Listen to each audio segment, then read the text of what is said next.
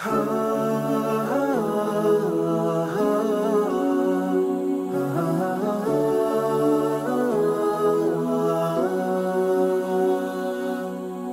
alaikum och hjärtligt välkommen till Koranpodden. Jag heter Sally och detta är Koranpodden. Podcasten som hjälper dig förstå Allahs ord och där vi också recenserar spännande och lärorika böcker om muslimsk historia i syfte att inspirera dig och öka din läslust. Du lyssnar på poddavsnitt 199. Endast ett avsnitt nu från att nå vårt nya mål, poddavsnitt 200. Idag ska du få lyssna på mitt samtal med Martin om Ingmar Carlssons bok Arvet från Bagdad, hur det grekiska vetandet bevarades och berikades. Boken släpptes 2020 av förlaget Historiska Media. I Jönköpings-Posten beskrevs boken som Spännande och väldisponerat med faktarikt innehåll. Arvet från Bagdad är en lysande bok om den historiska arabkulturen. Slutcitat. Jag läser nu texten som vi hittar på bokens baksida. En av de myter som ständigt återkommer i den europeiska antiislamiska och antiarabiska retoriken är att biblioteket i Alexandria förstördes när kalifen Omar erövrade staden år 642. Ingmar Carlsson motbevisar denna och andra liknande myter och beskriver i Arvet från Bagdad hur vårt klassiska grekiska kulturarv istället har bevarats, utvecklats och förts vidare ut i Europa av lärda araber. Under slutet av 700 och 800-talen översattes de klassiska grekiska verken till arabiska av vetenskapsmän och översättare i Bagdad. Från Bagdad flyttade sedan många lärda män till det muslimska Spanien och i deras bagage fanns de klassiska grekiska verken och tänkandet de själva utvecklat. Den klassiska kunskapen spreds sedan därifrån vidare norrut. Detta är författaren och diplomaten Ingmar Carlssons artonde bok. För sitt författarskap har han erhållit två hedersdoktorat och tilldelats Vitterhetakademins pris för citat ett ikännande författarskap som vidgat våra kunskaper om Europas och Mellanösterns folk och kulturer. Slutcitat. Okej, nog med försnack. Nu ska du få lyssna på mitt samtal tillsammans med Martin om boken Arvet från Bagdad. Hur det grekiska vetandet bevarades och berikades. Njut!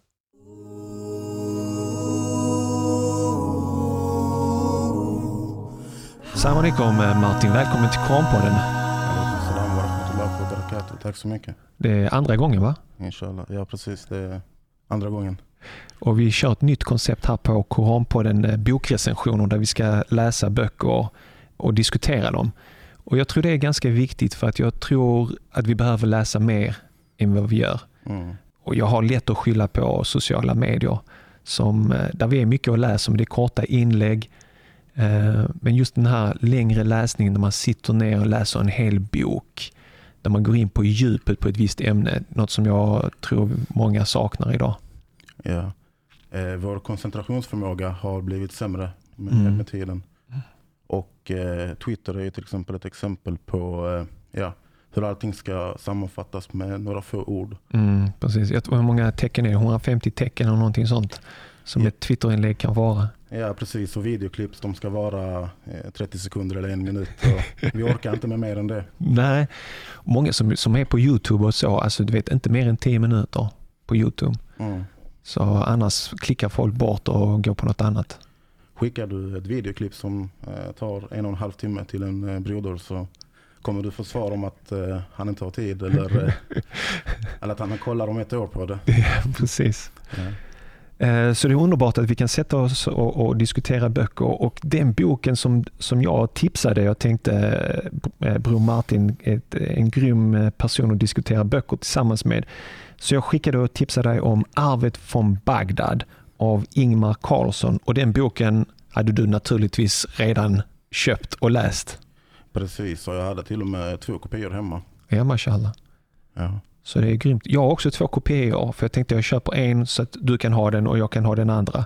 Och sen så, eh, eftersom du redan har din kopia så gör vi så att när det här avsnittet släpps så eh, har folk möjlighet att vinna det här exemplaret. Mm. Via Instagram kan vi köra någon tävling på Koranpodden så kan en, eh, en lycklig vinnare få hem den och eh, läsa den, slippa köpa den.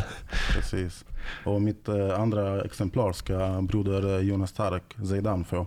Mashallah. Jag har lovat honom det. Så. Härligt.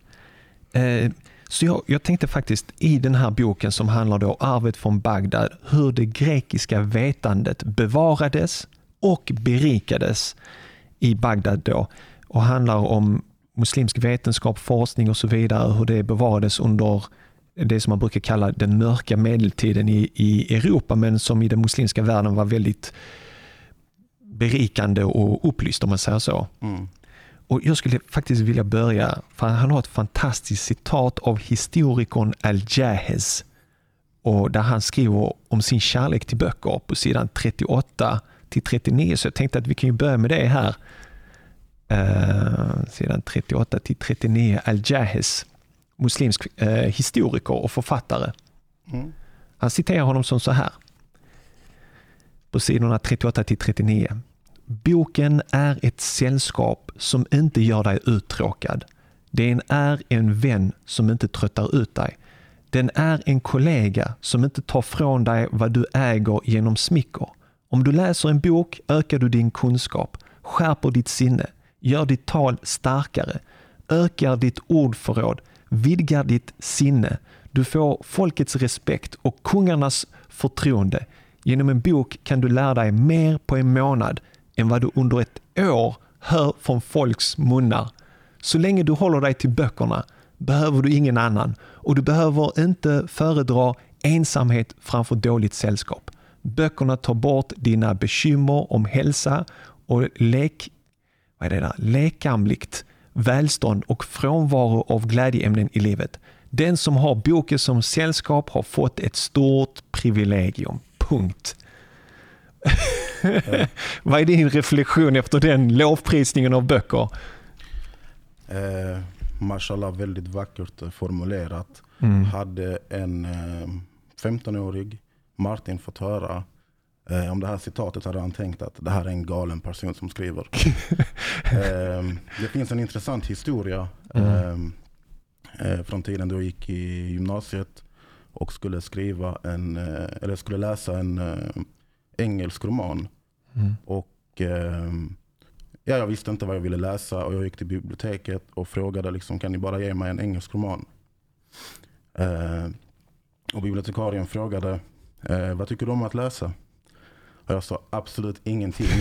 Om jag skickas till helvetet så kommer mitt straff vara att läsa böcker. Eh, men den här bibliotekarien förändrade mitt liv. Mm. Eh, hon gav mig en jättebra bok, eh, Card and the Crossfire. Mm. Eh, och sen dess har jag börjat bygga ett eget privat eh, bibliotek på 300 böcker. Mashallah. Grymt vad en bibliotekarie kan göra för ens eh, eh, kärlek till läsningen. Liksom. Ja, våra bibliotekarier eh, i Landskrona är väldigt högt utbildade. Mm. Kan jag, säga. Ja, Jag har fått det intrycket också av bibliotekarier att de är väldigt pålästa och man får jättebra service. Det är få bibliotekarier jag har träffat som är dåliga. Liksom, utan alla har ett stort engagemang och ett brinnande intresse för böcker och så vidare. Ja, jag tycker att de borde få en väldigt hög lön också för det. Mm. Överlag lärare borde få en hög lön, så som det var liksom på ja, men 40-50-talet. Mm. Då lärare tjänade lika mycket som eh, advokater exempelvis. Mm. Och Det är också en sån, det går som en röd tråd genom den här boken att eh, under medeltiden då i den muslimska världen författare och de som kopierade böcker eftersom man inte hade boktryckeri då de tjänade otroliga summor. Kungar gav dem alltså jättestora belopp. eh, Man värdesatte det Mm. och då betalar man det också. Så lönen är ju ett sätt att visa uppskattning, hur mycket man värdesätter saker och ting. Ja, jag tror de fick i lön eh, 250 000 per månad. Mm. för sitt arbete. Och eh, samhällen som inte eh, belönar akademiskt arbete eller utbildning eller liksom lärandeyrket Mm. är samhällen som inte prioriterar kunskap. Och det är sådana, sådana samhällen som kommer förr eller senare gå under. Mm, så sant. Och Ingmar Karlsson har ju ett väldigt intressant eh, avsnitt om det i slutet på den här boken som jag tänkte lyfta fram. Mm. Vad tyckte du om boken om vi börjar där?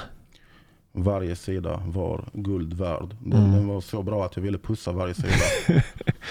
Jag tycker också det är en väldigt bra bok. Ja. Jag tycker Ingmar Karlsson eh, eh, fångar mitt intresse och väldigt spännande ämne. Mm. Och hinner med det mesta. Liksom. Mm. Lyfter fram de flesta tänkarna och, och eh, så från den tiden.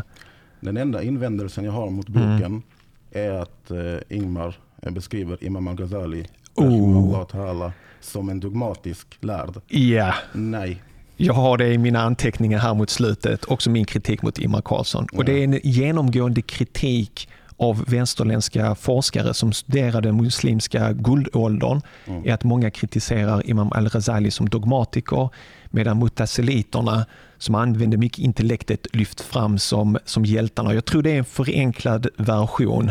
ja, och det stämmer inte riktigt. Så.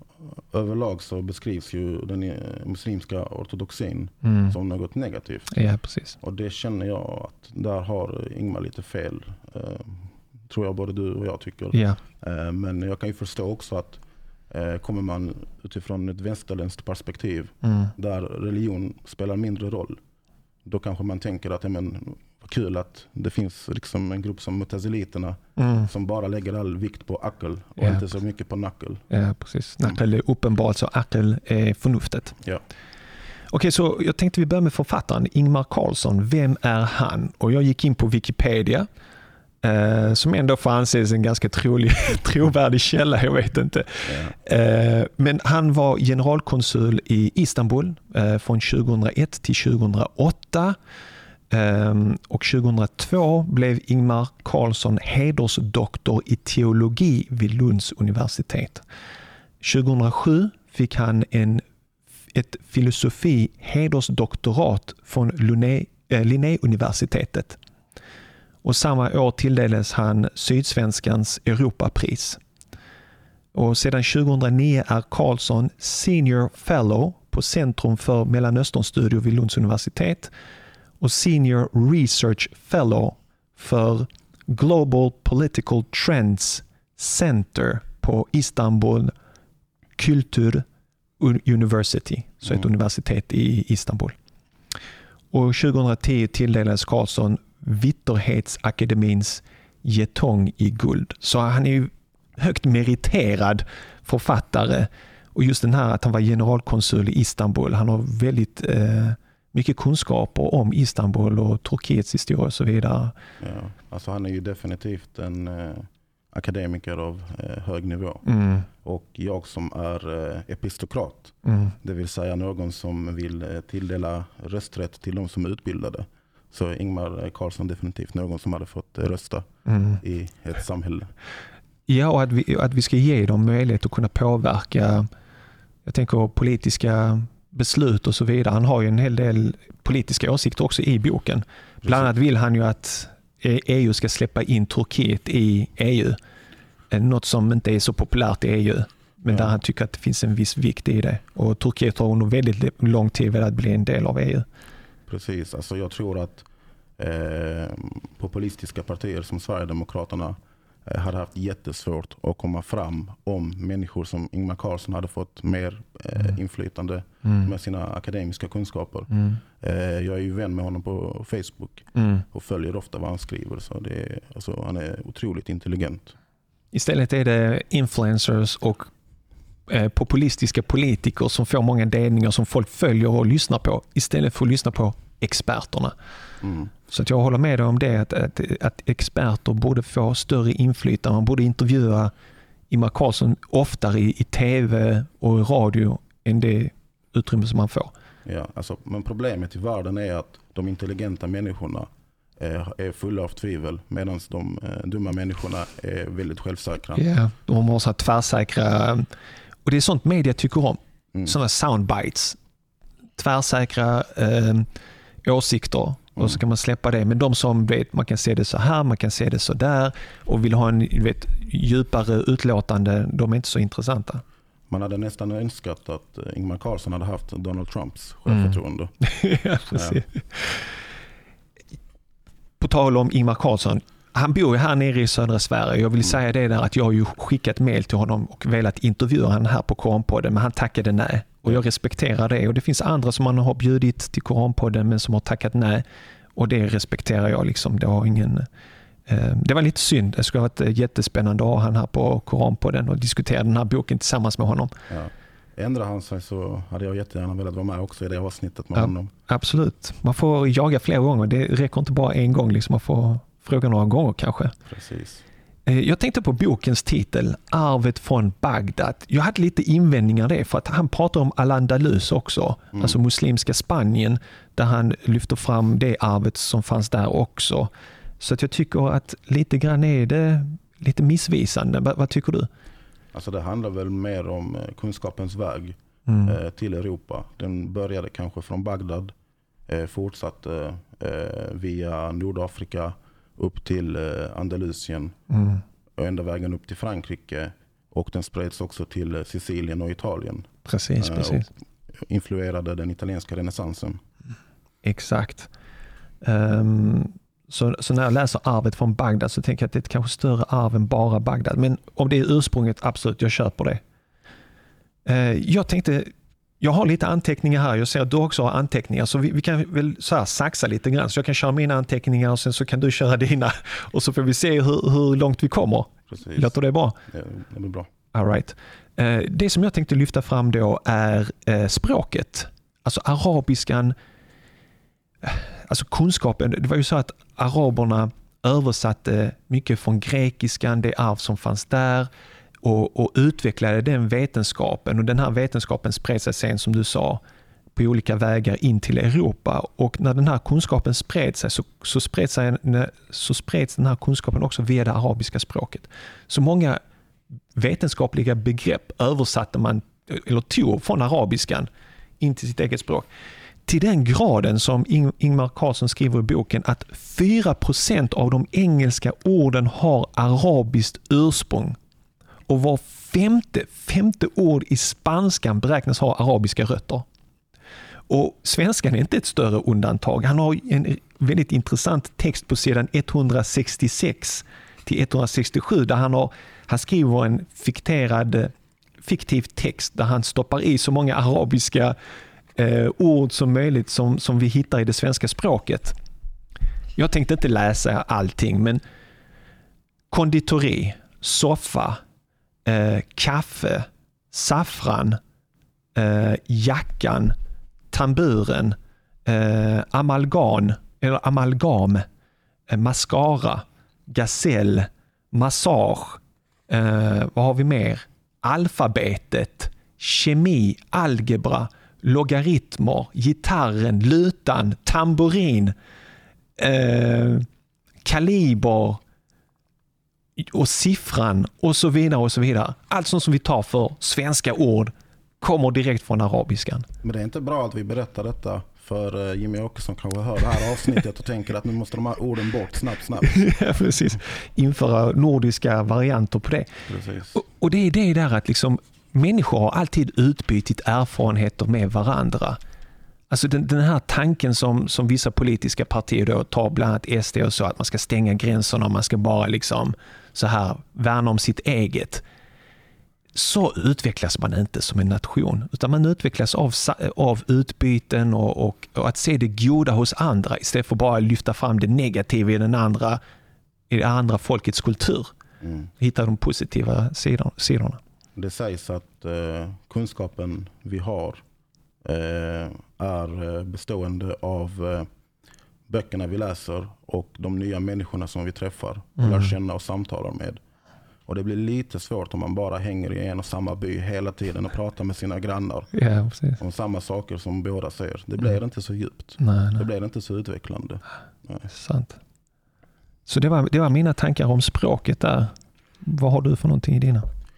Eh, det jag har lärt mig eh, under mina snart tio år som muslim mm. är att det finns eh, två stycken språk som är hundraprocentiga eh, i sin klarhet. Det första är det matematiska språket mm. och det andra är det klassiska arabiska språket. Mm. Sant faktiskt. Och, och många elever som har kommit från olika delar av världen till Sverige kan brottas med svenska språket och så vidare. Men matten blir någon, fri, någon form av zon där de vet, där språket inte blir så viktigt utan det matematiska språket som alla kan dela, där de mm. kan känna en frihet att kunna utvecklas. Mm. Men så fort de läser samhällskunskap, historia och så vidare i, med svenska så kan det vara en utmaning, men när de kommer till matten så kan det vara en viss frihet. Och, så, det, så att se matte som ett, matematik som ett språk är fantastiskt. Ja, och det vackra är ju att eh, vi muslimer har ju bidragit till att mm. ha skapat liksom det matematiska språket som är ett universellt språk. Ja, precis. Ett eh, språk som är för alla. Mm. Eh, och inte bara för en viss grupp i samhället. Så det här tankesättet med att liksom man ska vara eh, stå till tjänst och vara till nytta för hela skapelsen. Mm. Det finns ju liksom väldigt tydligt i det här tankesättet med det matematiska språket. Absolut. Att göra det tillgängligt för alla människor. Ja. Då kan vi faktiskt, när du nämner det, så kan vi ta eh, med astronomi. Eh, muslimerna under medeltiden utvecklade astronomin väldigt mycket, som det står här i boken. En av anledningarna till det var ju att man ville veta när man ska be under dagen, men även riktningen mot Kaaba eftersom det muslimska riket växte otroligt ända från Spanien till Kina eh, så var utmaningen hur ska man vända sig mot Mecka? Hur hittar man eh, med, hjälp av kompass och så vidare. Eh, men även eh, Ramadan, fastemånaden, när ska man börja fasta och när ska man bryta den? Det var sådana saker som ledde till att man utvecklade astronomin bland annat. Mm. Och Ingmar Carlsson han har ju på sidan 68 i boken då koranverser som, som han menar inspirerade de här astronomerna att, att utveckla eh, och fördjupa sig inom det. Eh, så låt mig ta något, någon vers. På sidan 68 är det flera, astronomi och Koranen. Så eh, vi kan ta Sura 25, verserna 61 till 62 där det står så här i svensk översättning.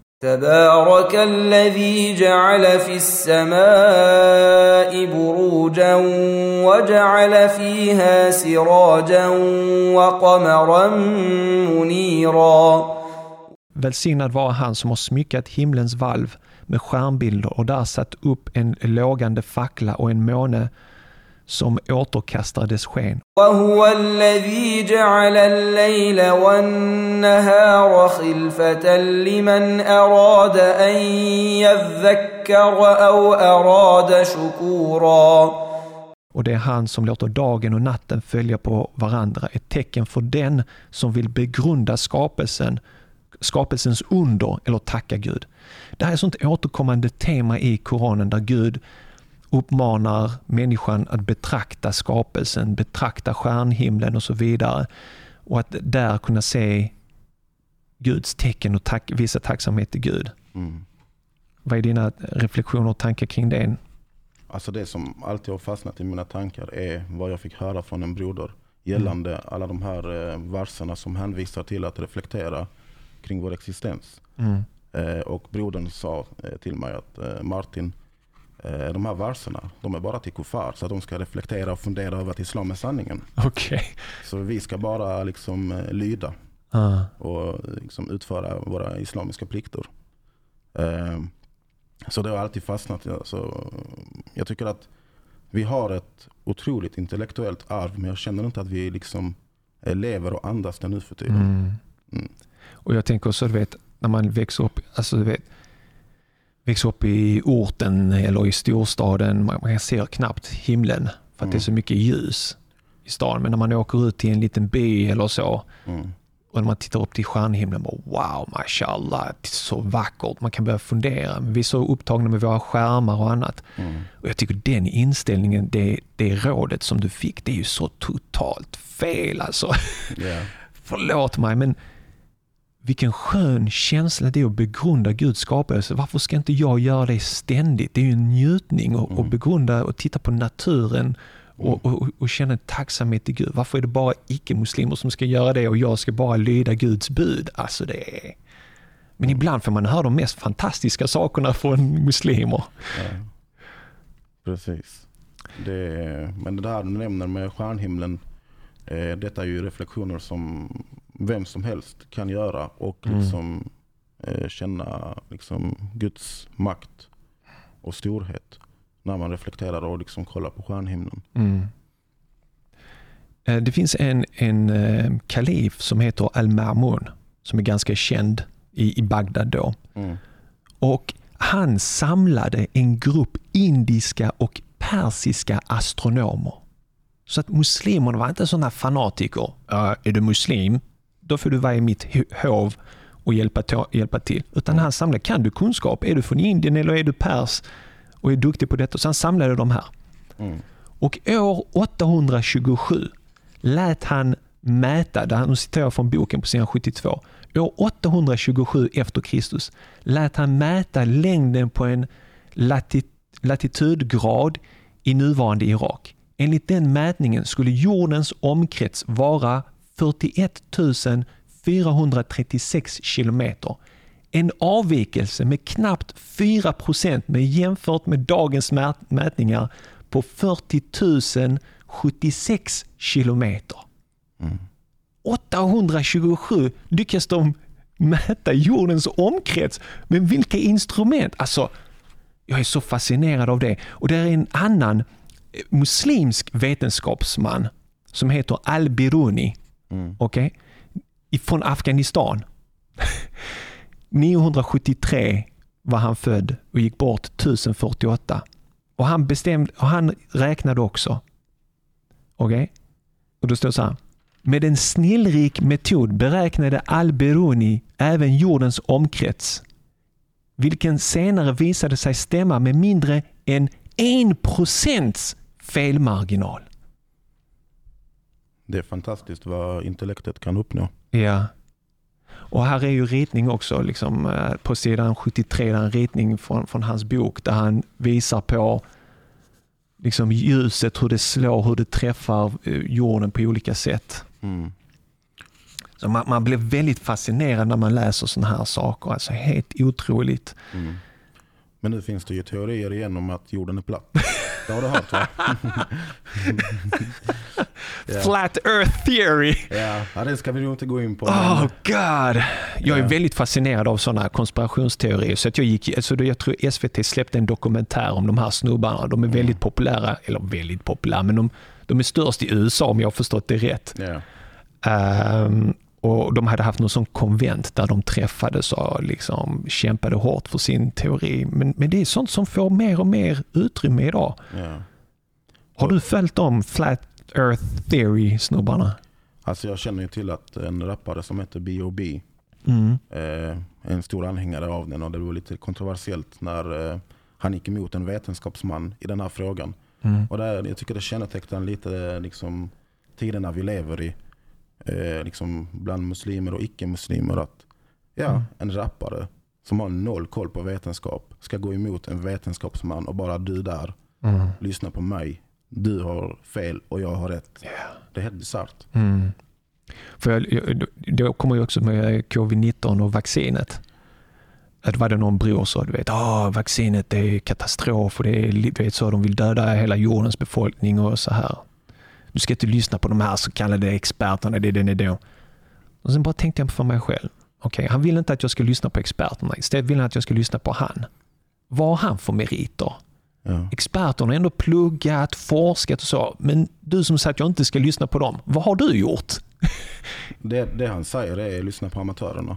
Ja, Mm. och jag menar har man lite förnuft i, i hjärnan, jag menar, du tar inte din, din bil till en cykelmekaniker eller du tar den till en bilmekaniker. Alltså Mm. hänger du med? Så du lyssnar på experterna i vanliga fall. Så helt plötsligt när det kommer till, till vaccinering och sånt, så helt plötsligt, nej, allt det där, det är bara en stor konspiration, de vill döda ut. Lyssna på mig istället. Och Jag vet inte. Alltså det, det har med, med känslor att göra. mm. Till alla som lyssnar, eh, bland alla de här konspirationsteorierna så finns det en gemensam faktor. Mm. Och det är rädsla och känslor. Det är väldigt sällan logiska sammanhängande argument. Mm. Utan det är alltid känslor. Det är liksom hemska mardrömsscenarier och dystopier som målas upp. Alltid, gång på gång. När det kommer till konspirationsteorier. Eller? Ja, ja, Ja. precis. Och Det som är jobbigt med konspirationsteorier, nu när vi ändå pratar om det, är att du känner dig hjälplös. Utan hela den här konspirationsteorin förklarar allting och du kan inte bryta dig mot det här. Så du, egentligen så gör du, gör du dig skyldig till kyrk, som vi säger i, i muslimska sammanhang, alltså avgudadyrkan. Du gör teorin så stor att den påverkar så mycket att det blir som en gud. Mm. Eh, Så jag, jag, jag tycker konspirationsteorier överlag är väldigt eh, problematiska. Det, är det påverkar ju ens akida. Mm. Det påverkar ju ens akida. Eh, det här med att eh, liksom låta konspirationsteorier ta över din världsbild så mycket. Ja, Ja. Och det finns ju liksom inga klara och tydliga dalil heller för det. Det vill säga bevis. ja. Ja. Och man, man mår inte bra. Nej, man är ju paranoid konstant. Ja. Liksom, drick inte kranvattnet, jorden är platt. Eh, eh, jag ska inte nämna alla för det, då kommer jag- det. det Jag tänkte många- mig också, vad tjänar man på att lura hela mänskligheten på att jorden är ett, ett klot? Ja. Och då, då är det faktiskt sådana fanatiska kristna faktiskt som säger att Bibeln står att den är platt, så de går emot Guds ord när de säger att det är ett klot. Mm. Liksom, what's the big deal om den är platt eller rund? Alltså, you know. Men då finns det i alla fall eh, något religiöst argument där som ändå motiverar dem. Men jag tänker, vad har en rappare som B.O.B. Mm. med att kämpa för det här med att jorden är platt? Mm. Alltså liksom, hans rapkarriär slutade ju. Eh, och han har, gör ju inte så mycket musik längre. Nej. Så kanske det har ju lite med det här med, med liksom att han, har- han kanske mår dåligt och har ballat ur lite. Ja, så vill ha uppmärksamhet och då, då säger du några så här riktigt kontroversiella grejer så får du uppmärksamhet så är du fortfarande liksom aktuell. Ja, Om inte din musik funkar längre. det kan också vara ett sätt liksom att precis eh, börja trenda igen liksom Mm. genom att säga superkontroversiella saker. Den här vetenskapsmannen Al-Biruni, eh, som är astronomen, han skriver också en, en bra sak. Alltså att, eh, ska vi se, eh, han, han- skriver, eh, jo, om det här med att, att mäta, du vet, eh, och titta på stjärnorna och mäta tiderna och sånt. Vi nämnde det här att det har med bönen att göra och så, men Al-Biruni gjorde inte all den här forskningen bara för de här religiösa Mm bönerna och så vidare, utan han såg att det finns en vinning i, det här för annat också. Ja. Om man säger så, världslig vinning i det. Mm. Eh, Han skriver så här i en av sina verk som eh, Ingmar eh, Karlsson har översatt till svenska. Han skriver så här, jag tror att vinsten inte bara har religiösa aspekter utan att den sträcker sig till andra områden. Ty den som känner sitt lands longituder och latituder med precision kommer också att kunna finna den exakta tidpunkten för middagstid och eftermiddag och slutet på skymningen och gryningen tidpunkter som inte bara behövs för bönestunderna utan också för fastetiden. Nyttan går utöver de religiösa behoven och sträcker sig till de världsliga och hjälper oss att hitta den rätta riktningen mot ett mål och är därför önskvärd eftersom den kommer att bringa nytta och förhindra skada. Slutcitat. Så det är också det här, det är inte, alltså, de åtskiljer inte bara så här eh, religiös kunskap och religiös nytta och världslig kunskap och världslig nytta, utan de hänger ihop. Så att det som är till nytta för det religiösa är också nytta till det världsliga. Så inte man blir du vet, så här världsfrånvänd, lever på en kulle högt upp på ett berg Mm. i ett litet fort och bara tillber Gud. Det var, inte, det var aldrig det budskap som sändebuden kom med, utan det är leva i världen men inte av världen som vissa kristna brukar säga. Precis. Inte fästa sig vid dunja Mm. utan eh, lägga sitt fokus på akhira. Och eh, den som lägger sitt fokus på akhira vinner både akhira och dunja. Och den Precis. som sätter fokuset på dunja förlorar både akhira och dunja. Mm. Så rätt. Men, men det är ju liksom det där att, att, att utveckla kunskapen för att hjälpa mänskligheten också, inte bara fokus. All right, har du några citat du vill? Eh, jag tänker till exempel på eh, kalif eh, Al-Mamuns Mm. dröm. Där han drömde att Aristoteles sa till honom kunskapen har inga gränser, visheten har ingen ras eller nationalitet och att stänga ute idéer är att stänga ute Guds rike. Mm. Underbart. Jag, jag tror det är så viktigt. Är att det är så lätt att man fastnar i sin egen tradition. i sin egen lilla filterbubbla. Och det är så viktigt att man läser och liksom lär sig om andra också. Mm. Och Det är det som jag tycker är så fantastiskt med Koranen. För Koranen pratar hela tiden, nämner andra religiösa samfund. Den nämner de kristna och deras förståelse, den nämner judarna och deras förståelse, avgudadyrkan och så vidare. Så om du verkligen vill förstå Koranen så kan du inte göra det om du inte förstår de här andra religiösa samfunden också. Mm. Och nu på senare tid, jag intervjuade eh, eh, Dharma Vajra, eh, buddhistisk utövare, och jag läser nu böcker om mötet mellan islam och buddhismen och så vidare. Och för att det är lätt att man hamnar på väst, alltså hänger med, så som Ingmar Carlsson pratar om, islams möte med väst och det grekiska arvet. Men islam mötte också Asien och det arvet som fanns där och, ett, och det utbytet som fanns där. Och det är så fascinerande och så viktigt att man tar till sig det också, tänker jag. Precis, jag tänker min övertygelse vilar på att eh, eh, Gud har delat upp oss i olika mindre grupper, Mm. nationer i världen så att vi kan lära känna varandra som det står i Koranen. Exakt. Och eh, i dessa grupper med hjälp av olika språk som är nyckeln till kunskap har människor utvecklat och lärt känna eh, sin liksom, eh, omgivning och existens Mm. på ett säreget sätt som eh, hjälper oss om vi lär känna det genom att samtala eh, över nation, liksom nationella gränser och eh, möta andra människor. Eh, så det är nödvändigt att eh, liksom träffa andra, eh, andra kulturer, andra nationaliteter, religiösa grupper och så vidare. Och, och liksom dra nytta av vad de har lärt sig. Vad de har utvecklat genom åren i sina civilisationer. Precis. Och när du möter andra människor från en annan trosuppfattning så i dialogen och i samtalet så bör du också reflektera över din egen tradition eh, som är väldigt nyttig. Mm. Eh, så att eh, vi ska se, vad har jag fler för någonting? Första apoteken, Mm. sidan 63 säger Ingvar Carlsson, utvecklades i den muslimska världen. Även apoteket har sitt ursprung i abbasidernas Bagdad. I en hadith sägs att Gud, citat, Gud har ett botemedel mot varje åkomma. Goda muslimer borde därför söka efter dessa och använda dem på ett förnuftigt sätt. Mm. De arabiska farmakologiska verken var mycket omfattande och gav beskrivning av läkemedlens geografiska ursprung, fysikaliska egenskaper. Och så börjar han prata nu här hur de använder olika saker och ting. Så att när vi går in i apoteken här i Sverige Mm.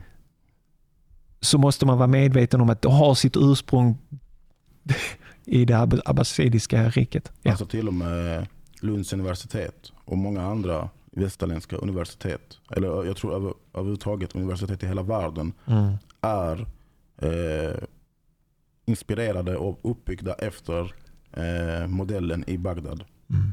Eh, och jag tänkte också bara beskriva hur samhället ser ut i Bagdad. Och liksom, eh, biblioteket, Ja, precis. Han har fantastiska beskrivningar om bibliotek. Jag tog inte med det. ja, liksom det fanns eh, eh, gigantiska bibliotek, liksom samlingar av böcker. Biblioteksväsendet blev en institution eh, som spreds över hela muslimska världen. Eh, det fanns gratis papper för besökare att göra anteckningar. Mm. Eh, Det fanns salonger där man förde liksom djupa samtal och diskussioner. Det fanns polemiska debatter, tävlingar i kunskap. Och kunskap var en väg för dig att bygga en karriär. Ja. Inte girighet som i kapitalismen. Nej. Nej. Och inte liksom någon eh, galen utopisk strävan som i socialismen. Om någon rättvisa och solidaritet. Utan kunskap. Mm. Det, det är så du bygger en karriär i Bagdad på den tiden. Och kungarna värdesatte det. Folket älskade. Så att det, det var den tidens kändisar, så att Mm. säga. Precis. Ska vi ta något annat ämne? Jag tycker om Ibn Fernas eh, och flygandet. Ja. Jag har stött på honom i olika sammanhang. Han gick bort år 888 efter Kristus. Alltså redan 600 år före Leonardo da Vinci så försökte Ibn Fernas att flyga. Fascinationen av detta. Och alltså vet du, man tittar på fåglar vet, när de flyger och så. Jag tror alla reflekterar någon gång i sitt liv. Det skulle vara ganska fett att vara en fågel och bara kunna liksom flyga så. Precis, precis. Och Ibn Fednas han gjorde ju ett försök. Det gick inte så bra, men han gjorde ett försök. Eh, 140, ska vi se på sidan, 142. Han la väl grunderna för, var det inte Leonardo da Vinci eller vem var det som, Ja, Leonardo da Vinci kom ju sen med, med ritningar. precis, så han hade inspirerats då. Om han hade inspirerat, det är alltid så svårt att säga om han verkligen hade inspirerats eller inte, men han var före. Det är det så Ingvar Carlsson, eh, Ingvar Carlsson skriver här. 600 år före Leonardo da Vinci på sidan 149. Mm. Konstru- konstruerade Ibn Fernas, han är från Cordoba i Spanien. Mm. Han konstruerade en flygmaskin med fjädrar fastsatta på en träram och försökte flyga genom att kasta sig ut från en borg. Han lyckades genomföra en kortare glidflygning men kraschlandade och skadades allvarligt. Stackaren.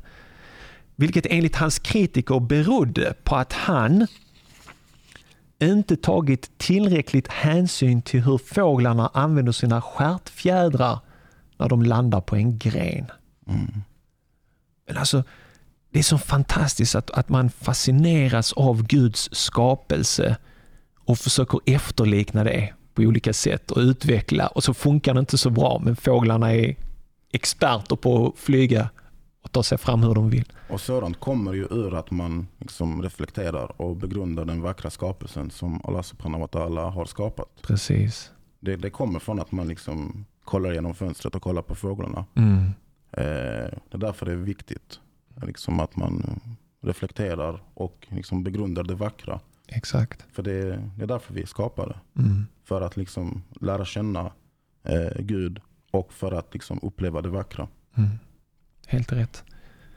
Vill du ta något citat eller någon del som du tycker är intressant i boken? Ja, som sannings och kunskapssökare så drivs jag ju alltid till att liksom, eh, hitta eh, nya spännande citat om sanningen. Mm. Och eh, den eh, arabiska filosofen Al-Kindi har ett väldigt intressant citat. Eh, han säger att vi får inte skämmas för att erkänna sanningen och ta den till oss från vilken källa den än kommer, även om den förmedlas till oss av tidigare generationer eh, och främmande folk som bor långt ifrån oss. För den som söker sanningen finns det inget som har större värde än sanningen själv. Eh, lika lite som sanningen ska underskattas ska dess bärare förringas. Till sanningen förnedrar ingen utan förädlar alla. Sant. Så viktigt alltså. Mm. Och jag, jag tror jag hade understrukit någon liknande citat. Alltså vet, hela min bok är understruken som du ser här. Hade jag tagit med allting så hade vi suttit här i typ tio timmar. Men jag tror det är samma författare eller någon annan som Ingmar Carlsson också skriver i boken att när de här muslimerna eh, översatte de här grekiska vetenskapliga verken Mm. så var det ju så att grekerna ibland hade gjort fel, Mm. kommit till fel slutsatser. Mm. Men, men de här arabiska vetenskapsmännen respekterade de här grekiska vetenskapsmännen. Va? Och det, var, det är så lätt att när man respekterar någon, högaktar någon, att man liksom tar, åh du vet, det är mästaren, allt han säger är, är sanning. Mm. Men de här arabiska vetenskapsmännen skrev i sina böcker, även om jag respekterar och jag älskar den här grekiska vetenskapsmannen och de slutsatser som har kommit fram till, så älskar jag sanningen mer. Och, det, och jag har kommit till slutsatser, jag har observerat saker och ting i den mänskliga kroppen. För de tittade på liksom hur blodet rör sig i kroppen och så vidare. Va? Jag har observerat och jag har sett att sanningen är något annat än vad de här grekiska författarna skrev och därför har jag kommit till en annan slutsats. Även om jag älskar och respekterar de här grekiska författarna och vetenskapsmännen. Och det, det är någonting som är så viktigt att man ska ta med sig, det här kritiska tänkandet. Att människor kan komma och dra felaktiga slutsatser. Även om man älskar de här lärda eh, vetenskapsmännen och så vidare. Men ändå att försöka hålla sig till sanningen är så viktigt. Jag tycker, tänker att det är även teologiska frågor när det kommer till lärda imamer och så vidare, att man kan älska imamer och så vidare. Men i slutändan så kan de ha dragit slutsatser som är felaktiga, som det visar sig senare. Och att man är beredd att följa sanningen framför människor. Det är inte så lätt. Precis. Eh, I västerländsk eh, filosofi så sägs det ju att liksom det mest eh, intelligenta citatet som har sagts det är ju från den grekiska filosofen Sokrates som sa att allt jag vet är att jag vet ingenting. Mm. Och då tänker man, Eh, vad är det som är så intelligent att säga att man vet inget? Men det är där eh, kunskapen börjar. När du erkänner att du inte har kunskapen, då kan du öppna dig för att liksom, upptäcka ny kunskap. Precis. Men är du så hundra mycket, alltså om det är liksom 100% på hack, du Mm. vet allt. Mm. Då, då, då är inte du öppen för kunskap längre. Nej. Och eh, i vår muslimska tradition, vad säger vi då? Istället för det som Sokrates sa, jo vi säger wa Allahu alam. Ja, precis. Ja, Gud Och- vet bäst. och Gud vet bäst. Mm. Och det är hela tiden för att på ett ödmjukt sätt poängtera att Gud vet allt, vi är bara människor, vi vet egentligen ingenting. Eh, Såvida inte Gud skänker oss liksom nyckeln till kunskap. Precis. Det, det älskar jag med de lärda, att de alltid avslutar med att Gud vet bäst. För det, det det visar deras ödmjukhet, att jag försöker tolka och förstå Guds ord eller profeten, profeternas ord, men i slutändan så kan jag, är jag bristfällig och jag kan ha fel, men den som vet, och det är Gud. Så ja, det är fantastiskt. Det är så långt man kommer från dogmatism, Mm. från extremism, eh, när man läser de här imamerna hur de avslutar sina fatawa. Mm. Mm. Eh, något, något annat du vill sp- spinna vidare på eller ska jag hoppa vidare i min anteckning? Nej, jag bara tänker liksom Mm. så spontant med att eh, ja, jag pratade till exempel med eh, min broder och vän eh, Mohammed Mm. eh, Echehade eh, från Landskrona. Och jag pratade liksom om arvet från Bagdad med honom. Och han kände ju inte till liksom om att det finns så mycket vetenskap som har kommit från muslimerna. Alltså han kände till lite, lite några enstaka detaljer. Mm. Men när det kommer till liksom att ja, men alkohol att det har använts som antiseptiskt medel liksom, eller att bägarna, flaskor, eh, provrör, eh, liksom alla de här grejerna som har underlättat för eh, medicinen och för läkandet av människan. Mm. Att det kommer från eh, muslimska uppfinnare. Alltså det är många som har glömt bort det. Mm. Jag tror de, alltså det är bara bland eh, västerländska akademiker och möjligtvis eh, liksom den politiska eliten i Mellanöstern där man fortfarande känner till det här. Mm. Alltså det är så sällsynt. Ja, helt rätt. Ja. Och du vet, bläddrar man i en historiebok för gymnasieelever så finns det här som ett litet stycke, Mm. inte mer än så. Ja. Och, och, så det där måste också komma till en förändring. Jag pratade faktiskt med en historielärare på gymnasiet som sa liksom att det är väldigt eurocentriskt. Mm. Eh, Hon sa det kommer det till liksom arabisk vetenskap eller ottomansk eller så, så är det något litet stycke eller så, inte mer än så. Fastän det har påverkat Europas historia så i grunden alltså. Precis, men eh, när Mohammed fick höra liksom om alla uppfing- uppfinningarna från Mm. eh, Bagdad så liksom blev han helt liksom så wow, Mm. liksom mashallah. Ja. Det var intressant. Så Precis. jag tror att eh, ungdomarna, eh, våra muslimska ungdomar behöver lära känna eh, liksom arvet från Bagdad, Mm. eh, liksom arvet från Andalusien, från Sicilien, eh, liksom allmänt liksom från vår muslimska historia. Hur mycket Mm. vi har kommit med egentligen till eh, liksom hela världen och civilisationen. Och, det, och där tror jag att mos- moskéerna spelar också en roll. Alltså att bjuda in forskare från Lunds universitet, som till, till exempel, Ingmar Carlsson, till moskén. Att hålla föreläsningar, föredrag, presentationer så att den nya generationen får veta om det här. Ehm, jag tänkte nämna en annan imam som eh, Ingmar Carlsson lyfter fram, som jag känner till från, från tidigare. Han är en andalusisk eh, från Cordoba, född 994 efter Kristus, gick bort 1064. Ibn Hazm. Känner du till den här imamen? Ibn Hazm. Det känns bekant. Men, Mm. mm. Eh, han har skrivit en fantastisk verk som jag vill läsa. Eh, det står om honom på sidan 142 till 143. Han har skrivit ett verk som heter Tauq al-Hamama, Duvans ring, som handlar om kärlek och är skriven både på vers och prosa. Och den har översatts till flera europeiska språk, finns bland annat på engelska. Och den handlar, behandlar framför allt människans förmåga till självbedrägeri med kärleken som utlösande faktor. Mm. Och, men Ibn Hazm var en teolog, han var en imam också. Och det som jag vill, alltså att Ingmar Carlsson skriver så här om Ibn Hazm på sidan 143.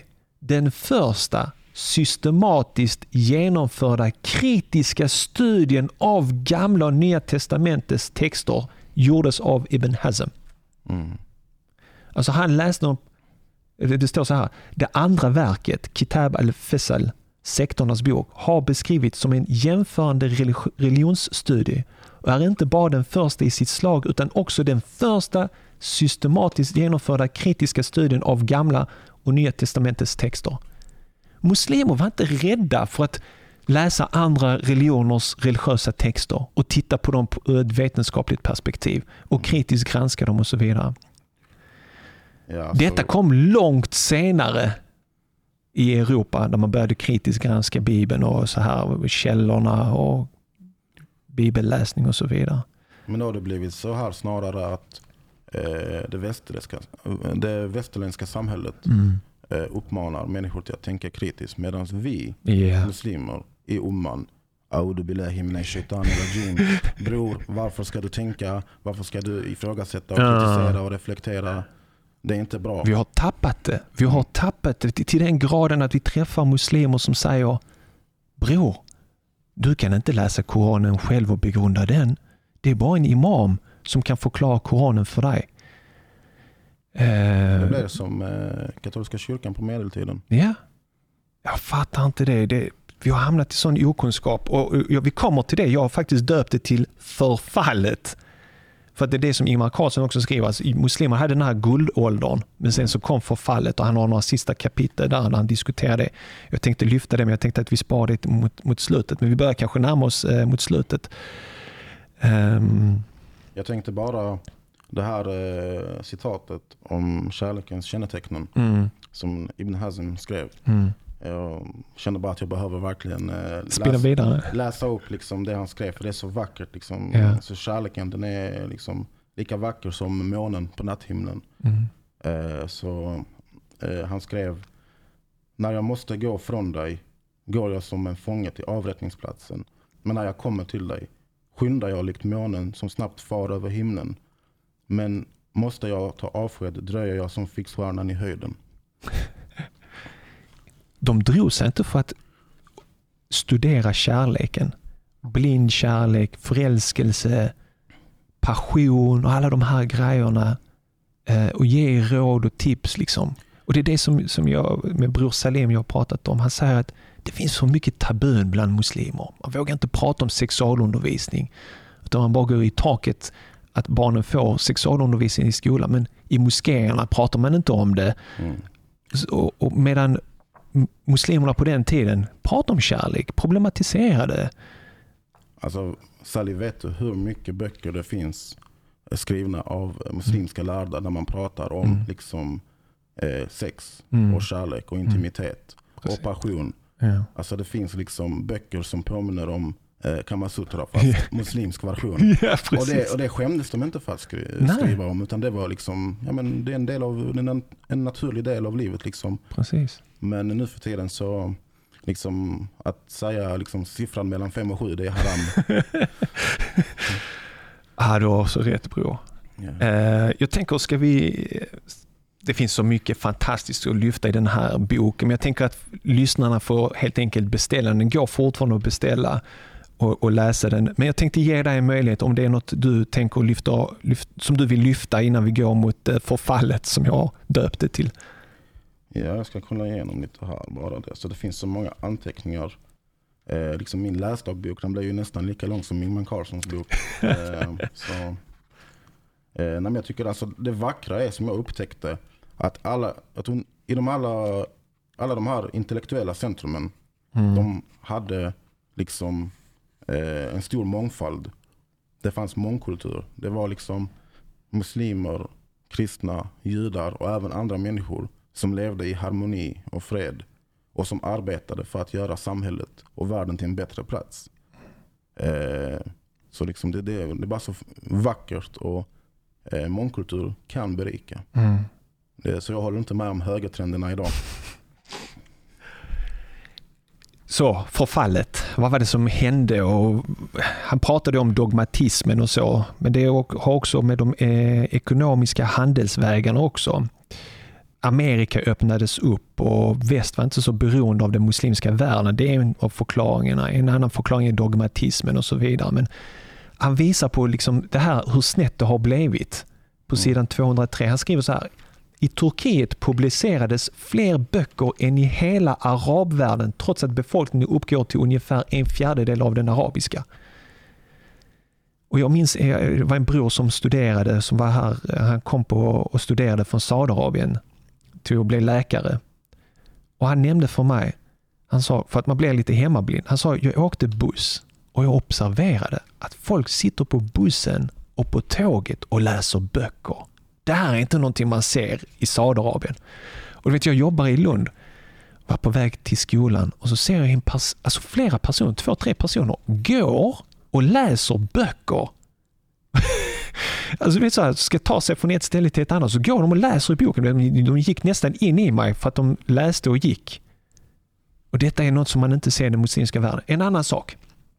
Ingmar Karlsson skrev så här. År 2005 publicerade hela arabvärlden 13 444 vetenskapliga texter. Medan siffran samma år enbart för Harvard University i USA var 15 455 vetenskapliga texter. Så du har Harvard som publicerar fler vetenskapliga texter än hela den arabiska världen. Jag tänkte faktiskt eh, på ett djupt samtal som jag hade mm. Eh, för några veckor sedan eller någon månad sedan kring eh, hur klasstillhörighet och reflekterande och utbildning och lärande, mm. hur det liksom hänger ihop. Och Ibn Khaldun han är inne på liksom en liknande teori att eh, anledningen kanske till att eh, liksom kunskapstörsten har stagnerat i den muslimska världen kan bero på att det materiella välståndet har sjunkit. Mm. Och då tänker man, men hur är det kopplat? Eh, jo, den fattige, liksom arbetaren, liksom arbetarklassen har inte tid för att läsa, forska, reflektera, eh, söka efter kunskap, ha djupa samtal och diskussioner och debatter. Mm.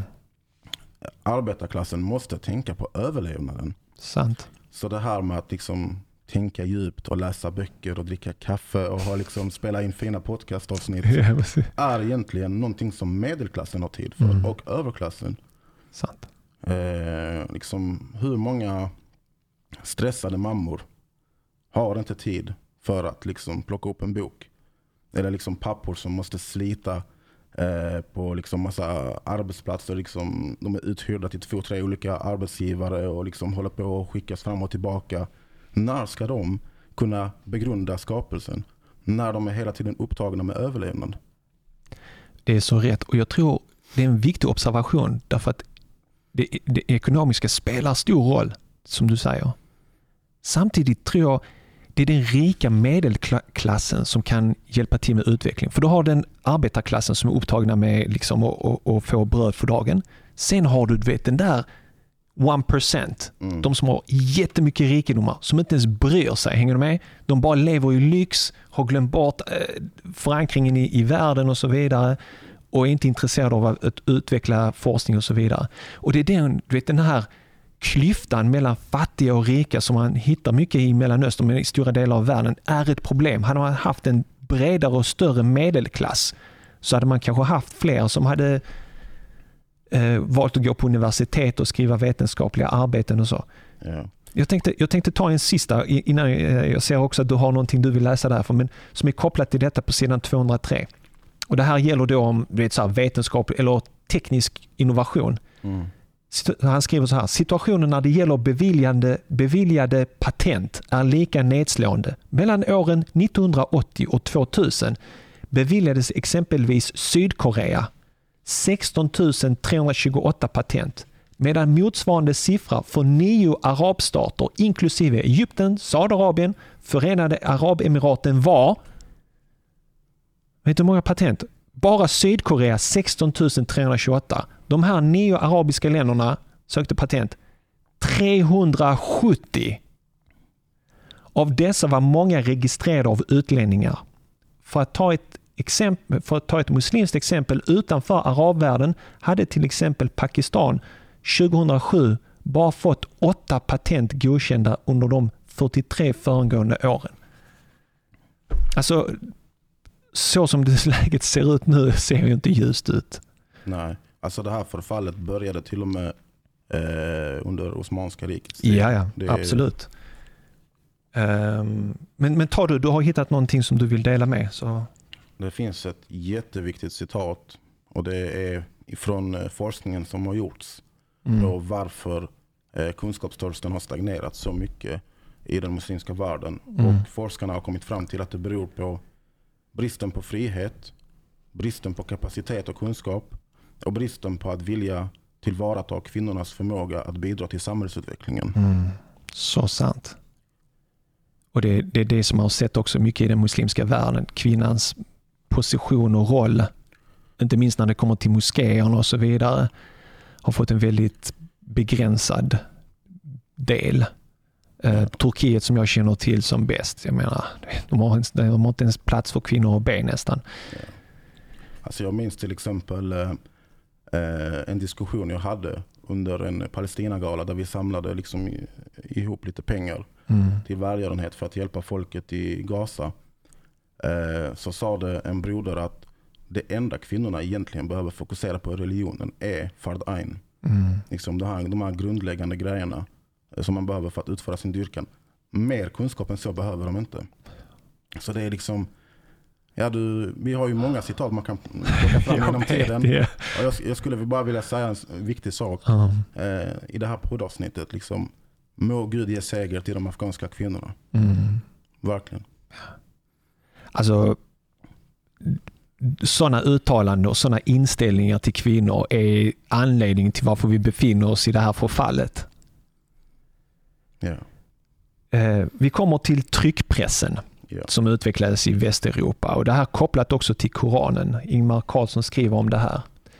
Denna inställning är en av förklaringarna till att den nya uppfinningen tryckpressen som användes i Europa redan från 1460-talet och bidrog till kunskapsspridningen inte introduceras i den muslimska världen förrän 1727. Herregud. Med motiveringen att Koranen var Guds ord och inte fick vulgariseras. Alltså det var det här tanken, jag förstår. På den tiden så det var ett stort yrke att få skriva Koranen för hand. Mm. Och det är någonting man ska värdesätta. Det var någonting fint, kalligrafi, det är konst och så vidare, eller hur? Mm. Kalligrafin däremot stod högt i kurs och eh, betecknades som en konstform och varför det tryckta ordet inte bara sågs som en profaner, profanering av den heliga texten utan rent av som ett hot mot den kulturella identiteten. I ett dekret utfärdat år 1515 hotade sultanen Selim den första alla som använde sig av en tryckpress med dödsstraff. Mm. Och det, är- det är det här, jag menar, hur många koran har vi inte hemma? Mm. Och hur många är de tryckta med en tryckpress? Ja. Precis. Men Och så, så motsatte man sig detta under så lång tid och inte bara Koranen då tror jag, utan det kanske gällde vanliga böcker. Jag vet inte, jag är inte så insatt i den frågan. Men Mm. Där kanske jag kan ta och lära mig lite från det, liksom gällande min eh, perfektionism när det kommer till att liksom, det skrivna ordet ska skrivas Mm. på det vackraste sättet. Ja. Liksom, eh, eh, inte i pocketform av tidningar. där, där är jag Ja, lite som den här, det. sultanen kanske. Samtidigt så, så tycker jag att det är viktigt med en, eh, att man är skeptisk. Att man inte bara köper innovation rakt av. Mm. Om jag tar sociala medier, nu börjar vi se baksidan av det här. Mm. Mobiltelefonen, fantastiskt kommunikationsredskap. Samtidigt har den baksidor. Mm. Men att utfärda vet, dekret om dödsstraff och så vidare för att man trycker Koranen med en tryckpress. Mm. Och idag är det det enda sättet du kan få en Koran är genom en tryckpress och idag finns den digitaliserad. Du kan lyssna på den med olika recitatörer och så. Mm. Men kanske var den inställningen inte så sund och som gjorde att kanske en del av svaret, för att jag tror, jag tror inte på sådana enkla svar. Jag tror på, på att man hittar svaret till förfallet från olika perspektiv. Precis. Men kanske var detta en av inställningarna som, som bidrog till förfallet. Men inshallah så vänder det en dag. Absolut. Eh, Så är det ju och eh, där har vi Ibn Khaldun, sociologen att tacka som pratar om civilisationernas uppgång och nedgång.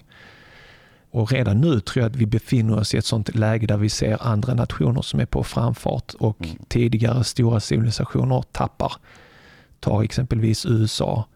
men även Europa och där man ser andra civilisationer som Kina och Indien som är på frammarsch. Ja. Även Brasilien också. Mm. Liksom, många av de här eh, demokratierna som har eh, liksom ett högt antal invånare kommer att spela en stor roll liksom, i den eh, internationella ekonomin Mm. och utvecklingen. Så. Jag tänkte, jag har ett sista citat. Och han, han tar också upp eh, kolonialiseringen som en förklarande faktor. Att muslimska världen är- kolonialiserades. Och där är också en stor förklaring till förfallet. Det, det är många som går dit. Ja. Ja. Sen kan man inte hålla på och skylla på det hela livet. Liksom. Mm. Det finns lite diskussion om det också, men det är klart att det spelar sin roll. Det är summering. Jag tycker han summerar boken eh, och slutsatserna och det han vill få fram på sidan mot slutet 236.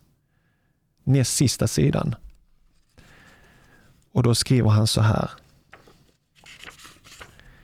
Islam är idag en europeisk religion och en europeisk union är inte längre tänkbar utan inslag av islams gröna färg.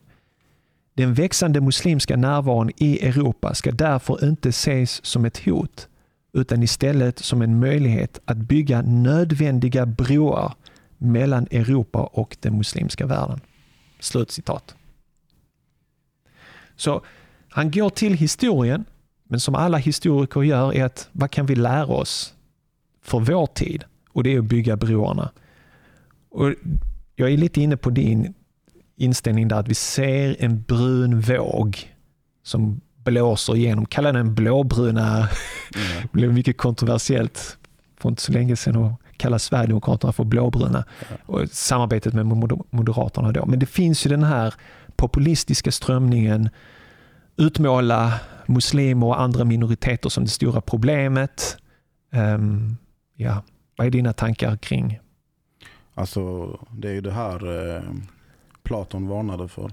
Eh, med att demokratier kan utvecklas till demagogier. Mm. Och vad är en dema demagogi för något? En demagogi är liksom eh, ett samhälle där den som skriker högst och mest slagkraftigt, även om själva orden är meningslösa, eh, kommer att få mest makt. Mm. Eh, liksom det är liksom starka ord, men eh, inte så mycket eh, förnuft i dem. Eh, och då kommer ju ledare som eh, Trump till exempel till makten och eh, det blir ett stort hot. Och det är därför jag är epistokrat och inte demokrat. Mm. Härligt att ha en epistokrat eh, med på podden, men jag tror man har satt en blind tro på demokratin, att det ska liksom lösa, det är det paradiset på jorden. Men det är som du säger, är det någon som har enkla lösningar, you know, Mm. Eh, vi ser gängkriminalitet, fler poliser, hårdare straff. Vet, vi ska avlyssna, vi ska inte ens behöva Precis. misstänka utan bara avlyssna. Vi ska kunna avlyssna vem vi vill. Men det är det som är demagogier just. Mm. Att man liksom skriker sådana här slagkraftiga ord. Liksom, Ja. Mer poliser, eh, straffa de, eh, de kriminella. Liksom, mm, liksom, vi ska bekämpa brottsligheten på det sättet. Men man pratar inte så mycket om faktiska, praktiska lösningar som håller långsiktigt. Utan liksom, visa för folket hur starka vi är. Ja, Nu sätter vi in Eh, det var ju till och med en broder som bekänner som liksom gick ut med och sa att man ska skicka in militären till precis. förorterna. Ja. Jag vet inte riktigt vad han tänkte på, men vi är inte i Chile på 60-talet. Nej. Det kan jag säga. Utan vi behöver pedagoger, vi behöver lärare, vi behöver människor som dig Sally. Vi behöver fler eh, imamer som är öppna för att liksom, eh, lära känna kunskaper från olika kulturer. Och genom den här integrationen mellan väst och öst så kan vi faktiskt hitta eh, arvet från Bagdad. Mm. Och pratar man med före detta kriminella och frågar dem liksom, "Va- hur ser du lösningen? Väldigt få som man hittar som säger fler poliser och hårdare straff och så vidare. Utan de har helt andra långsiktigare arbeten, förebyggande. De ser mer förebyggande än när det är för sent att lägga in åtgärderna. Ehm, Men det är, och det är samma sak när det kommer till skolan. Bety, hur ska vi, vet så här, ungdomarna går ut med dåliga betyg. Hur ska vi lösa detta? Börja med betyg när de går i lågstadiet. Börja bedöma dem redan då. Mm. Nu har vi massor med ungdomar som är sönderstressade på grund av att de känner att de hela tiden blir bedömda. Och de lärare jag träffar och kollegor, det är inte många som säger så här, vi behöver börja med betygssättning ännu tidigare som lösningen, hänger du med? Utan de ser helt andra, vi måste skapa lärande miljöer och situationer där de känner frihet, möjligheten att pröva saker, känna att man kan utvecklas. Mm. Men att det är någon som bara ständigt bedömer dig. Yeah. Hur fri är du då att kunna vara beredd att misslyckas. Mm. Utan istället skapa det betygsstress och så vidare som begränsar människors möjlighet att kunna lära sig nya saker. Ja, snart kommer ju de sätta betyg på vilket eh, spädbarn som säger mamma först.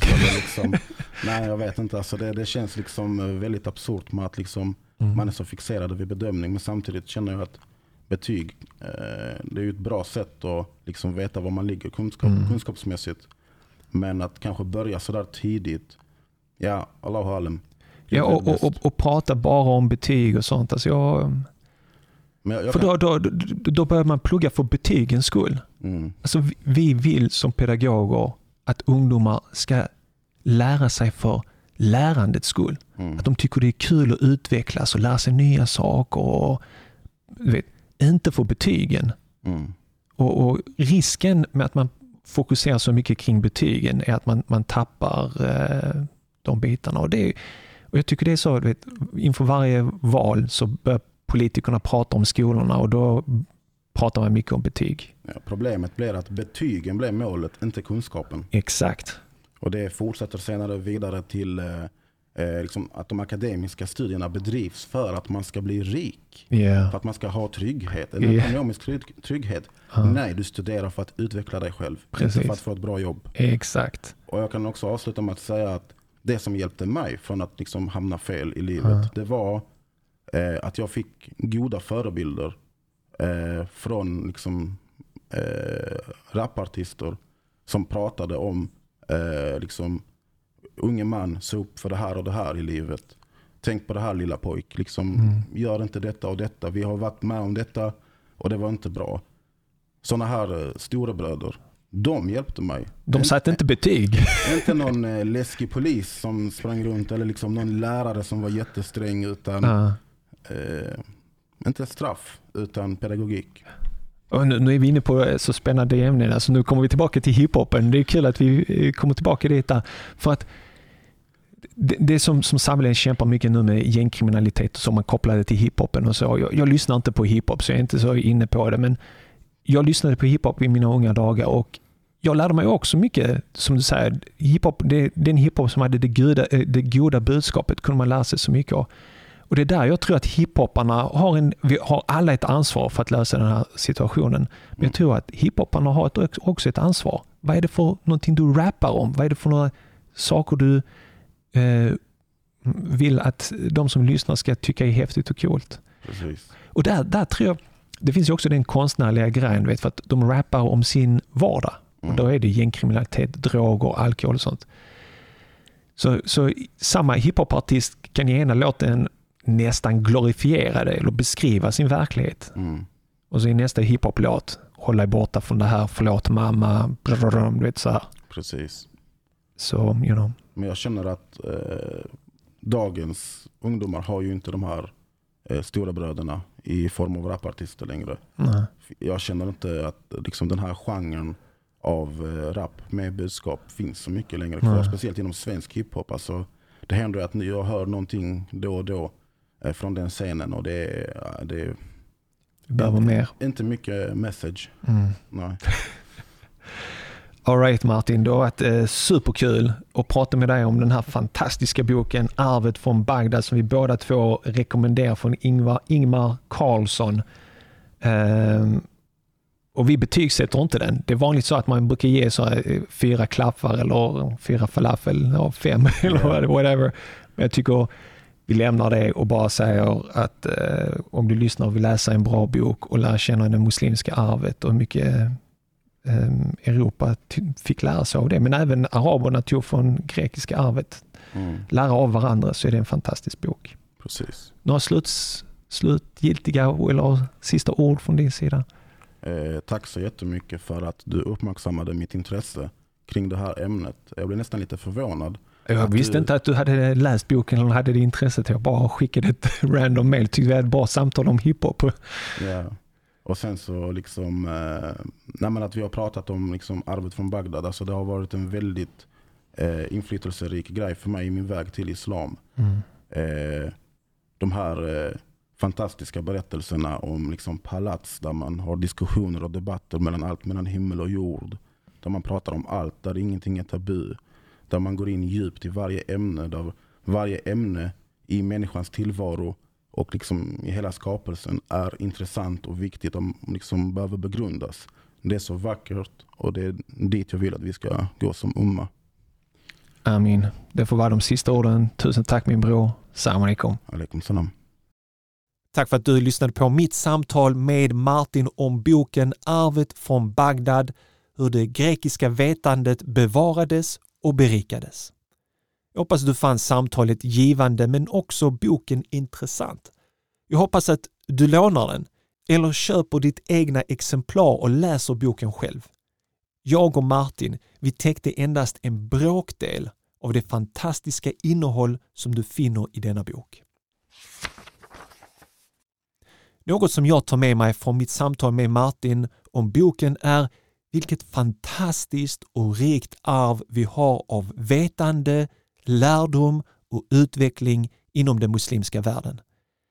Det är denna del av historien som dessvärre inte lärs ut till våra barn och unga vid svenska skolor. Jag hoppas en dag, inshallah, att även denna historia lyfts upp för det är något som inspirerar oss alla, muslimer likväl människor av en annan tro. Islam har aldrig varit emot kritiskt eller vetenskapligt tänkande och utveckling. Tvärtom har tidig muslimsk historia bejakat den. Om du fann boken och mitt samtal med Martin lika inspirerande som jag gjorde skulle jag uppskatta om du delade samtalet med någon som du känner är intresserad av muslimsk historia och vetenskap. Skicka ett mail eller ett sms med direktlänken till intervjun koranpodden.se 199.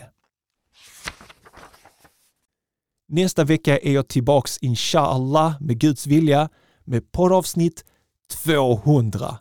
Det blir en klassisk föreläsning som jag höll i Göteborg. Föreläsningen heter Befrielsen av Mecka. Här är ett kort utdrag från den föreläsningen. Sen befaller profeten Muhammed sallallahu alaihi wasallam, det är dags för salat. Det är dags för dem att göra bönutropet. Och profeten Muhammed säger alaihi gör någonting nu som araberna aldrig tidigare har skådat. Profeten Muhammed säger alaihi vänder sig till Bilal som har sitt ursprung i Afrika. Mörkhyad man, en svart man, en före detta slav som torterades i Mecka, som folk spottade på, som folk såg ner på. Profeten Muhammed sallallahu alaihi wasallam säger till Bilal, Ja Bilal, gå upp på Kaaba, ställ dig uppe på Kaaba och kalla till bönen. Kalla till bönen. Så Bilal, han ställer sig uppe på Kaaba och ropar till bön.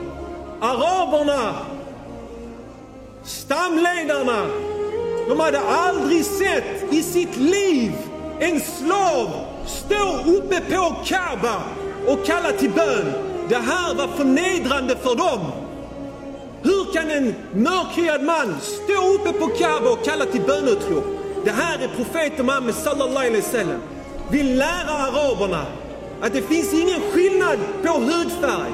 Det finns ingen skillnad på vilken stam du kommer ifrån. Det finns ingen skillnad på vilken social status du har, om du är rik eller om du är fattig. Alla människor är Adams söner och ni är alla gjorda av lera.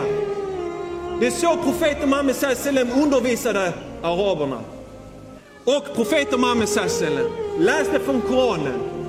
Han sa Ja ayyuhan nas inna khalaqnakum min dhukar min dhakarin wa untha وجعلناكم شعوبا وقبائل لتعارفوا إن أكرمكم عند الله أتقاكم إن الله عليم خبير Människor, det här är Allah subhanahu wa ta'alas ord.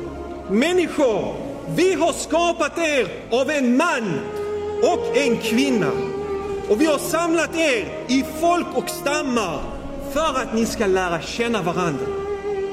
Inte för att ni ska hata varandra, se ner på varandra, säga att han kommer från det landet, hon kommer från det landet och jag kan inte gifta mig med någon som kommer från det landet, från, från det landet de är så.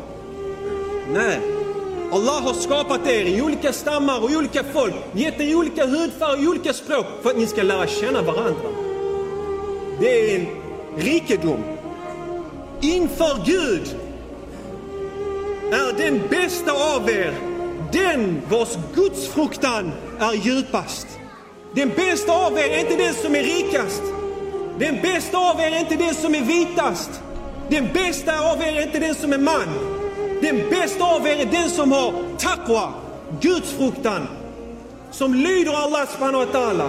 Som utför det som han har befallt oss att utföra. Och håller oss borta från de synder som han har sagt att vi ska hålla oss borta från. Där är vi allihopa samma. Om du öppnar mitt bröst. Profeten Muhammed sallam han sa Iman är här. Och han pekade in i bröstet på sin följeslag. Han sa Iman är där inne. Iman är inte på utseendet. Allah tittar inte till min hudfärg. Han tittar inte till min kön. Han tittar inte till min plånbok. Han tittar in i mitt hjärta. Och om jag öppnar mitt bröstkorg, om du min bror eller syster öppnar ditt bröstkorg, vår, våra hjärtan är samma. Och det är det som Allah subhanahu wa ta'ala tittar på, ingenting annat.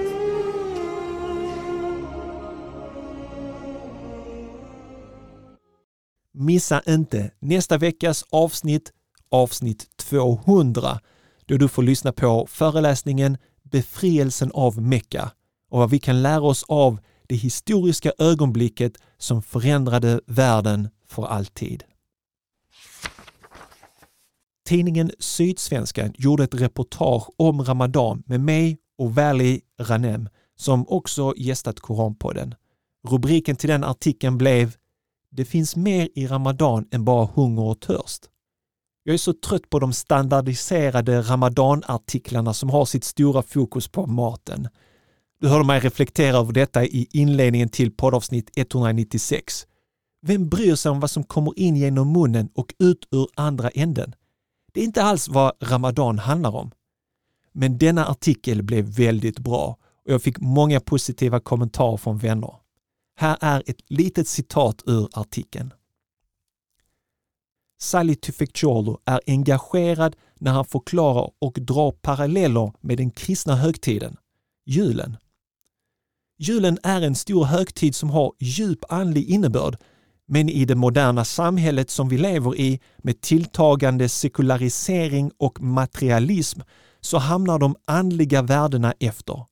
Julen blir bara presenterna som gör att folk känner stress. Det blir inte något om Jesus och hans fantastiska läror. Samma sak med Ramadan. När den uppmärksammas så exotiseras den. Det handlar bara om mat. Wow, det är häftigt, de äter hummus och sånt när de bryter fastan. Eller så problematiseras den, tillägger han. Slutcitat. Ja, alltså vanligtvis brukar jag inte ställa upp på intervjuer eftersom jag vill lägga ner all min tid och energi på Koranpodden. Men här gjorde jag ett undantag och jag ångrar mig inte. Jag vill också passa på och informera dig att vi nu arbetar på att publicera textartiklar om Koranens budskap på vår hemsida koranpodden.se. Checka gärna in dessa artiklar. Du hittar artiklar såsom Den heliga Koranen talar om lycka, hur Koranen lär människor om Allah, Allah vet bäst, de mest älskade platserna på jorden av Allah, tolerans i islam och många andra inspirerande textartiklar. Checka in dessa och många andra inspirerande artiklar som du hittar på koranpodden.se. Klicka på texter i menyn. Följ oss på Facebook och Instagram där du kan följa arbetet med Koranpodden bakom kulisserna. På vårt Instagram postar vi regelbundet inlägg med inspirerande citat ur Koranen och från våra olika avsnitt.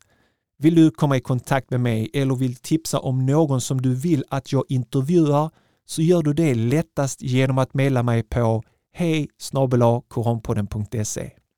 Då återstår det bara för mig att önska dig en härlig vecka. Tack för att just du lyssnar på Koranpodden. Vi hörs igen nästa vecka på måndag med poddavsnitt 200. Ta hand om dig tills dess. Assalamu alaikum wa rahmatullahi wa barakatuh.